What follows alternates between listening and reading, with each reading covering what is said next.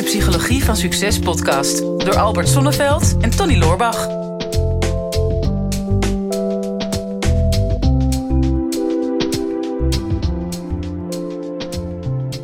Eventjes over gedaan om, uh, om met dit onderwerp aan de slag te gaan, Tony. Ik weet niet wat het is, maar op een of andere manier blijven we dit maar uitstellen. Echt, ik vind die bruggetjes gewoon steeds slechter worden ook hoe we beginnen. Maar er komt ook wel, wel echt iets van 80 afleveringen gedaan.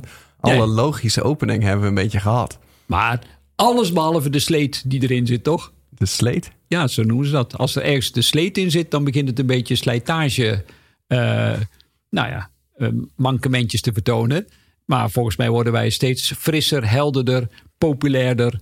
Nou ja, ga zo maar nou, Het wordt wel steeds natuurlijker, ja. Ja, vind je niet? nee, nou, ja, er, gaat, er gaat er niks boven natuurlijk. ja, dan wordt het al een beetje spiritueel. Maar dat gaan we natuurlijk niet doen. Nee. Zullen we het gewoon eens over uh, ja, van denken naar doen? Ja. Want er was een vraag over binnengekomen. Maar volgens mij, ik weet niet of je die bij de hand hebt. Zo toevallig. Nou, ik ben best wel bij de hand type. Dus die heb ik zeker bij de hand. Oh, fantastisch. Um, ja, uh, even kijken. Die heb ik uh, hier. Ja, niet denken, maar doen. Vraag van Jelmer. Uh, ik heb een vraag voor de Psychologie van Succes podcast. Hoe zorg ik ervoor om over te gaan op het daadwerkelijk doen? Ik heb mijn hoofd constant vol met ideeën en concepten. En zodra ik erover nadenk hoe ik het zou kunnen uitwerken en wat daarvoor nodig is, kom ik altijd tot de conclusie dat ik er de kennis, kunde en tools niet voor heb. Ik onderschat mijn competenties en daarom onderneem ik niks. Dus ja, hoe kom je daar vanaf? Ja. Ik herken dat ook wel hoor. Dat je, dat je zeg maar zo lang na zit te denken over, over iets. Dat je denkt, ik heb nu zoveel tijd gespendeerd aan ergens over nadenken. Dat, ik, mm. dat ik denk dat ik er geen tijd meer voor heb om het daadwerkelijk te gaan doen.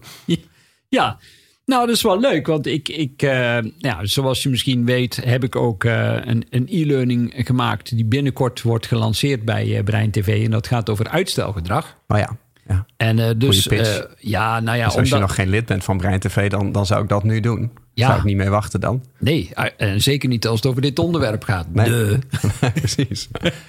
Maar uh, ja, en uh, natuurlijk om die, om die e-learning te maken over uitstelgedrag... heb ik me er nog weer eens extra in verdiept. En dat is, er is ontzettend veel materiaal over te vinden. Want dat is ook iets wat, wat heel veel mensen kennen. Mm -hmm. En een van de dingen die ik tegenkwam... is dat je vier typen hebt van uitstellers. Oké. Ja, dat vond ik echt wel helemaal leuk. Nou, uh, natuurlijk uh, Carl Gustav Jung, onze bekende psychiater, die net na Jung toch wel bekend is geworden met zijn vier elementen. Hè, dus mm. veel persoonlijkheidstesten zijn ook gebaseerd op die uh, vier elementen.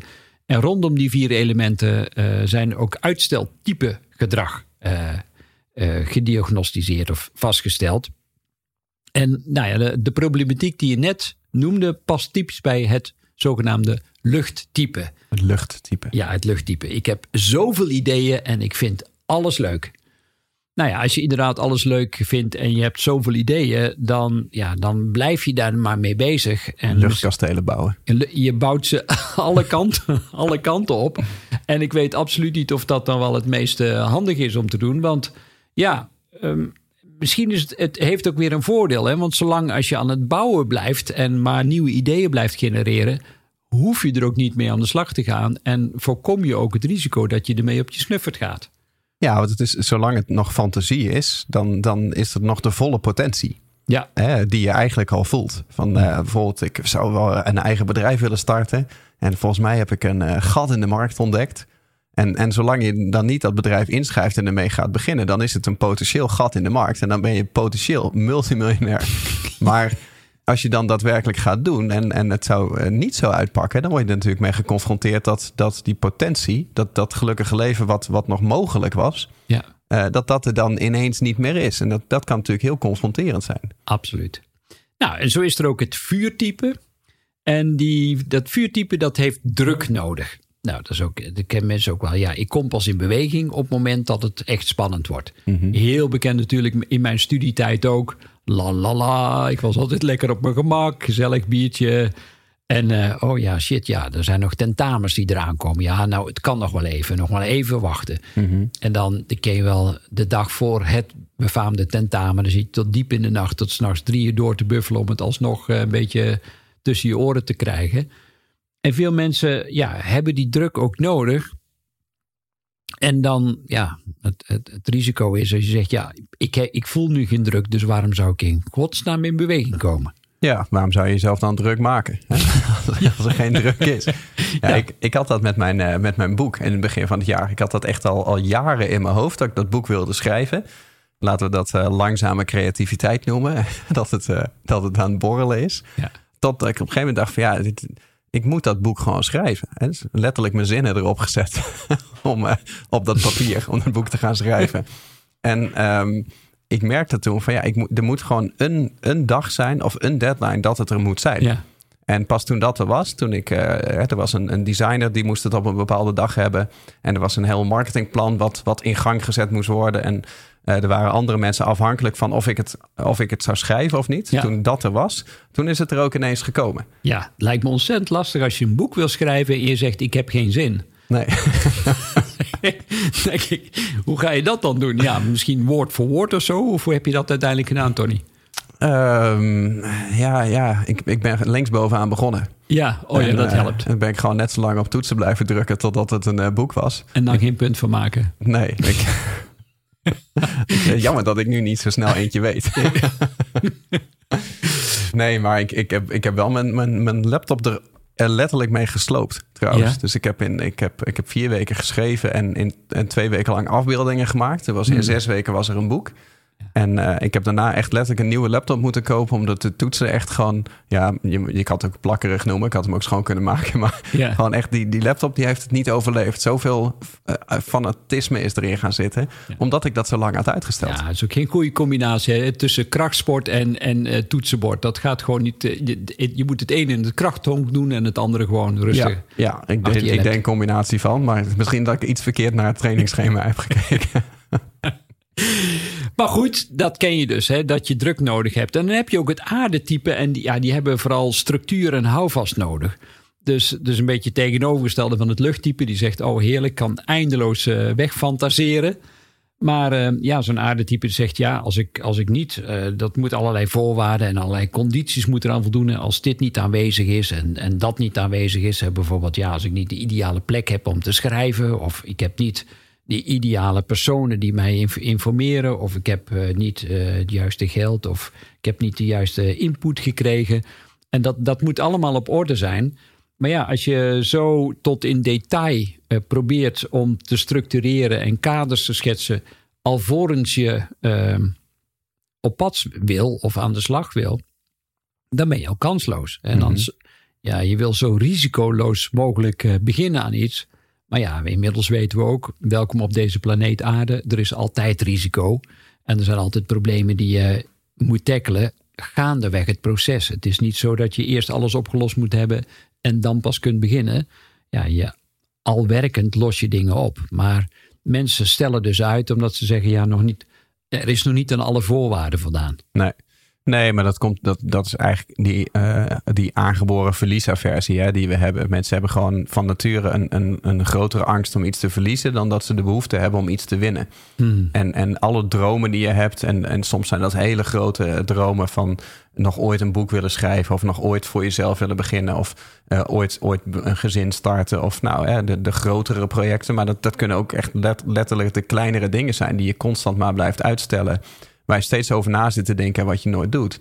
Ja, dat is, dat is eh, soms ook omdat je bang bent dat het gepaard gaat met een mogelijk verlies. Ja. van wat nou als ik straks dat boek heb geschreven en mensen gaan het lezen en ze vinden het niet leuk. Dan heb ik het hmm. misschien wel te vroeg al geschreven, dat ik nog niet ver genoeg was. of um, ik start een bedrijf en het zit allemaal net tegen en uh, men, uh, ik, ik was nog niet ervaren genoeg of niet, nog niet slim genoeg. Of ik had mijn buffers niet goed genoeg op orde. Of ik had mijn, mijn netwerk is nog niet groot genoeg. En zo zijn er altijd wel dingen die eigenlijk net iets beter zouden kunnen zijn. Als, als, als de sterren nog niet goed staan, ja, dan kom ik nog niet in beweging. Ja, heb ik trouwens ook. Ja, hè? Ja, ja, bij mij moeten de sterren wel goed staan. Maar ik woon in Amsterdam. Daar zie je dus geen sterren. Dus ik weet, ik weet niet wanneer het moment gaat zijn. Nee. Nee, nou, een beetje astroloog kan je er wel bij helpen. Hmm. Zullen we het nog over het watertype hebben? Want dat is dat vierde type. Um, uitstelgedrag. En watertypes, dat zijn emotionele types. Ja, kunnen we het daar uh, allemaal een beetje mee wegspoelen. Daar uh, niet druppelen, mm. maar gewoon doordoen. Mm. En dat zijn de mensen die ja, ook andere mensen nodig hebben. Dus die, die zijn altijd op zoek naar support, naar een, een soort steungroep aan een ondersteuning hebben ook vaak bevestiging nodig van andere mensen. Ja, doe het nou maar. En je bent al goed genoeg. En je kunt het wel. En je, je, je durft het wel. Nou, allemaal dat soort uh, aanmoedigingen vanuit de omgeving. Um, um, eindeloos maar gesteund willen zijn. En dan pas in beweging komen. Mm -hmm. En uh, het idee hebben dat je het in je eentje of op jezelf niet kan. Nou, ook dat kan wel weer een geweldige reden zijn om te zeggen: Nou, ik wacht nog maar even. Hè. Dus om even terug te komen bij de vragen stellen van denken naar doen. Voor, ja, voor een deel ben je, nou ja, ben je niet zo'n type, maar doe je. Hè? Dat gaat dus over het gedrag wat je dan vertoont. Mm -hmm. En je bent niet één type. Het kan ook zijn dat je per project of per situatie van type varieert. En de ene keer heb je misschien meer zekerheid en houvast nodig, de andere keer ontbreekt het je aan fantasie. Dus het mooie is natuurlijk van het leven dat je ergens in het midden uitkomt en dat je van alle vier de types iets kunt gebruiken in mm -hmm. de positieve zin. Hè? Want er is niks mis met willen fantaseren. Het probleem is alleen als je onder stress komt te staan, dan ga je overdrijven en blijf je in een van die types hangen. Mm -hmm. En ja, dat levert je dan meer op dan ook daadwerkelijk gaan starten. Ja, ik denk dat, dat, dat bij dit laatste type, um, daar zit, er zit een bepaalde mate van zelfonderschatting in. En nou, uh, als ik een beetje op mijn social media timeline kijk en ik zie uh, uh, alle live coaches en succesgoeroes voorbij komen. En, en eigenlijk iedereen die voorheen of op televisie was of een artiest was. En die nu ofwel omdat niemand meer televisie kijkt, ofwel omdat je als artiest geen shows mag geven coronatijd. Uh, die zitten allemaal zonder werk. Die, worden, die worden allemaal coach, de ene na de ander. Ja, okay. en, en er waren er al zoveel. En als ik daarnaar zit te kijken, dan denk ik van nou, we, we hebben geen tekort aan, aan zelfonderschatting in, uh, in Nederland. Of dat is een driedubbele ontkenning. Even kijken of dat dan nog klopt. Maar er is heel veel zelfoverschatting. Ja. En um, ik merk dat bij mensen die, die moeite hebben om echt hun, hun doelen na te jagen, waar het altijd maar een fantasie blijft, het zit in je hoofd dan staat het sowieso op de verkeerde plek opgeslagen. Want het zit in jouw hoofd en, en, en, niemand weet het. Hè? En als je, als je dromen niet uitspreekt, dan, uh, dan, komt het, dan komt het er ook niet van. Mm. Hè? Ik moet je voorstellen dat Martin Luther King dat had gehad bijvoorbeeld. Van, hè, ik heb een droom, maar wil, wil er niet echt over praten. ja, dat was niet echt een interessante speech geweest. Nee. Dus je moet het uitspreken. Maar... Um, zijn, zijn natte dromen wel bedrog? Ik weet het eerlijk gezegd niet. dat weet ik niet over. ja, nou ja, ik vroeg het me gewoon af. Maar goed, uh, je hebt een droom. Ja, ik zou in ieder geval, als je een natte droom hebt gehad, zou ik dat niet uitspreken. ik zou, sommige, oh, okay. sommige dingen zou ik gewoon lekker voor jezelf houden. Ja, prima. Ja, ja oké. Okay. Maar, um, nee, maar dus, dus daar begint het mee. Je spreekt het uit. Alleen, um, uh, net als met dat laatste type van ja, je hebt die aanmoediging nodig. Dat heb ja. je nodig, omdat je gewoon aan zelfonderschatting leidt. Ja. Dat, dat je vindt dat je ergens nog niet klaar voor bent of dat iets niet kan. En mensen zijn gewoon tot veel meer in staat dan, dan wat ze denken te zijn. Alleen je hebt soms gewoon net even dat, dat setje nodig. En ja. um, ik merkte dat bijvoorbeeld uh, in 2014, toen ging ik naar, uh, naar Polen met Wim Hof toen. En dat was toen uh, een week lang naar Polen zonder kolen. Ja, heerlijk. dus ja, heerlijk. Ja. Ik hou sowieso als een programma een woordgrap heeft, dan, dan meld ik me aan. Maar um, weet je, Wim was toen nog, nog, nog best wel uh, onbekend. Hij was best wel nieuw. Ja, toen mm. één keer bij uh, Pauw en Witteman aan tafel gezeten in die tijd. Ja. Waar hij vertelde dat hij dan in zijn korte broek uh, een berg had beklommen. En een, een, marathon had gelopen in de Sahara. En eentje in Siberië. En, en toen had iedereen zoiets van, ja, die man is gek. Ja. Um, maar de eerste gekkie maakt, of de eerste volger maakt van een gekkie een leider. Mm. Er liepen al wel mensen achteraan. Ja. En uh, je kon toen met hem mee een week lang naar Polen zonder kolen. En dat was dan een confrontatie met kou en, en met angst. En um, nou, ik ben daar toen uh, mee naartoe gegaan. Ben je door het ijs gezakt? N uh, nee, oh. het viel uiteindelijk wel mee. Maar ja. uh, ik, ben daar, ik ben dat gaan doen. Ook onder enige stimulans van, van buitenaf. Ik zou dat zelf zou ik dat nooit hebben gehad. Hè. Een goede vriend van ons, Demian, die, die vroeg van... Ik ga, ik ga daarheen, ga je met me mee? nee. waarom, waarom zou je dat doen? Vrijwillig ook, hè? Of je moest er nog voor betalen. Je kreeg er niet voor betaald. Dus betaal je geld om dan met Wim dan in, in ijsbad te gaan zitten. En, en, en in je korte broek bergen te gaan beklimmen. Nou ja, als je een beetje goed bij je, fatsoen, bij je verstand bent, dan ga je dat niet doen. Ga je niet doen, nee. Nee, dus, dus iets wat voor mij goed hielp was, was alcohol. Hè? Dus ik was mm. op een gegeven moment zat ik lekker op het terras biertjes te drinken. En uh, toen uh, zat ik daar, zat daar met mijn uh, broer. ja, jezus man. je, je, zei, je bent lekker bezig zo, ja. Ja, anti, antivries inderdaad. Maar denk, ja, ik, de- weet je, de, de antwoorden op de wat moeilijkere vragen in het leven... die liggen toch vaak een beetje op de bodem van de fles. en, eh, en, en daar vonden wij ze ook. Ja, dus eigenlijk zouden wij dat gewoon moeten doen. En want we kunnen daar wel steeds over hebben, over dat soort wilde ideeën. Maar, maar wij doen dat nooit. Dus, dus toen heb ik Damian maar geappt van... koop jij een ticket voor ons, dan betaal ik je later wel terug. En toen ik de volgende ochtend wakker werd met een kater... toen werd het een soort van dubbele kater. want... ehm, toen moest, moest ik ook nog ineens daar, eh, daar eh, mee naar, eh, naar Polen. Maar als ik kijk wat we daar hebben gedaan... eh, hoe, hoe erg ik daar boven mezelf ben uitgestegen... als het gaat om fysieke grenzen... maar ook, ook mentaal-emotionele grenzen... Dan, dan denk ik van ja, je moet, je moet jezelf eigenlijk aanleren... om dat soort dingen wat vaker gewoon te doen. Hè? Dus gewoon eh, wat vaker ja gaan zeggen... Op, op dingen die oncomfortabel voor je zijn. En je doet het meestal niet omdat je denkt dat je het niet kan. Van, oh, dan moet ik straks onder het ijs gaan zwemmen. Of dan... Uh, misschien uh, moet ik dan in mijn korte broek uh, moet ik een berg beklimmen door de sneeuw. Wat nou als ik dat niet zou kunnen? Dan ben ik misschien wel de enige eerste die ooit meegaat die het dan heel koud heeft. Yeah. En toen wij daar eenmaal die berg opliepen en ja, wij hadden met ontbloot bovenlijf, we hadden echt gewoon de, de ijspegels in onze borst daar hangen, om maar even lekker visueel te maken. Ja, dat, dat zijn de, ineens de momenten dat je denkt van ik wist niet dat ik hiertoe in staat was. Ja. En, en dat moet, dat, je moet dat eigenlijk wat vaker doen, zodat je dat ook wat meer herinnert. Ja, dat is wel. Ik, heb me dat ook voorgenomen en ik plan het ook, ook in, jaarlijks, meerdere keren. Dat ik dingen doe die voor mij in eerste instantie onmogelijk lijken of spannend zijn of echt ver buiten mijn comfortzone. Juist als ik dat doe, dat het daarna alleen maar meevalt. Dus uh, als mijn dochter zeggen: Goh, pap, ga je mee naar de Efteling? Dan zeg ik: stevast, oké, okay, wat is op dit moment de meest heftige attractie? Mm -hmm. Nou, dat blijkt dan de Baron te zijn. Nou, dan, dan stort je 42 meter loodrecht naar beneden. En dan zeg ik, zet me maar in het voorste karretje. Mm -hmm. ik, ik geel de, de longen uit mijn lijf. Hè. Uh, het loopt uh, dun door mijn broek heen in zeven kleuren. Maar dan nog steeds, um, ja, daarna valt alles mee ook. En ik, ik weet heel vaak niet of ik iets kan. Totdat ik eraan begin. En ja, fascinerend. Ik weet niet of je ooit de film The Yes Man hebt gezien. Hè? Maar, ja, maar ja. als je dus voortdurend ja zegt.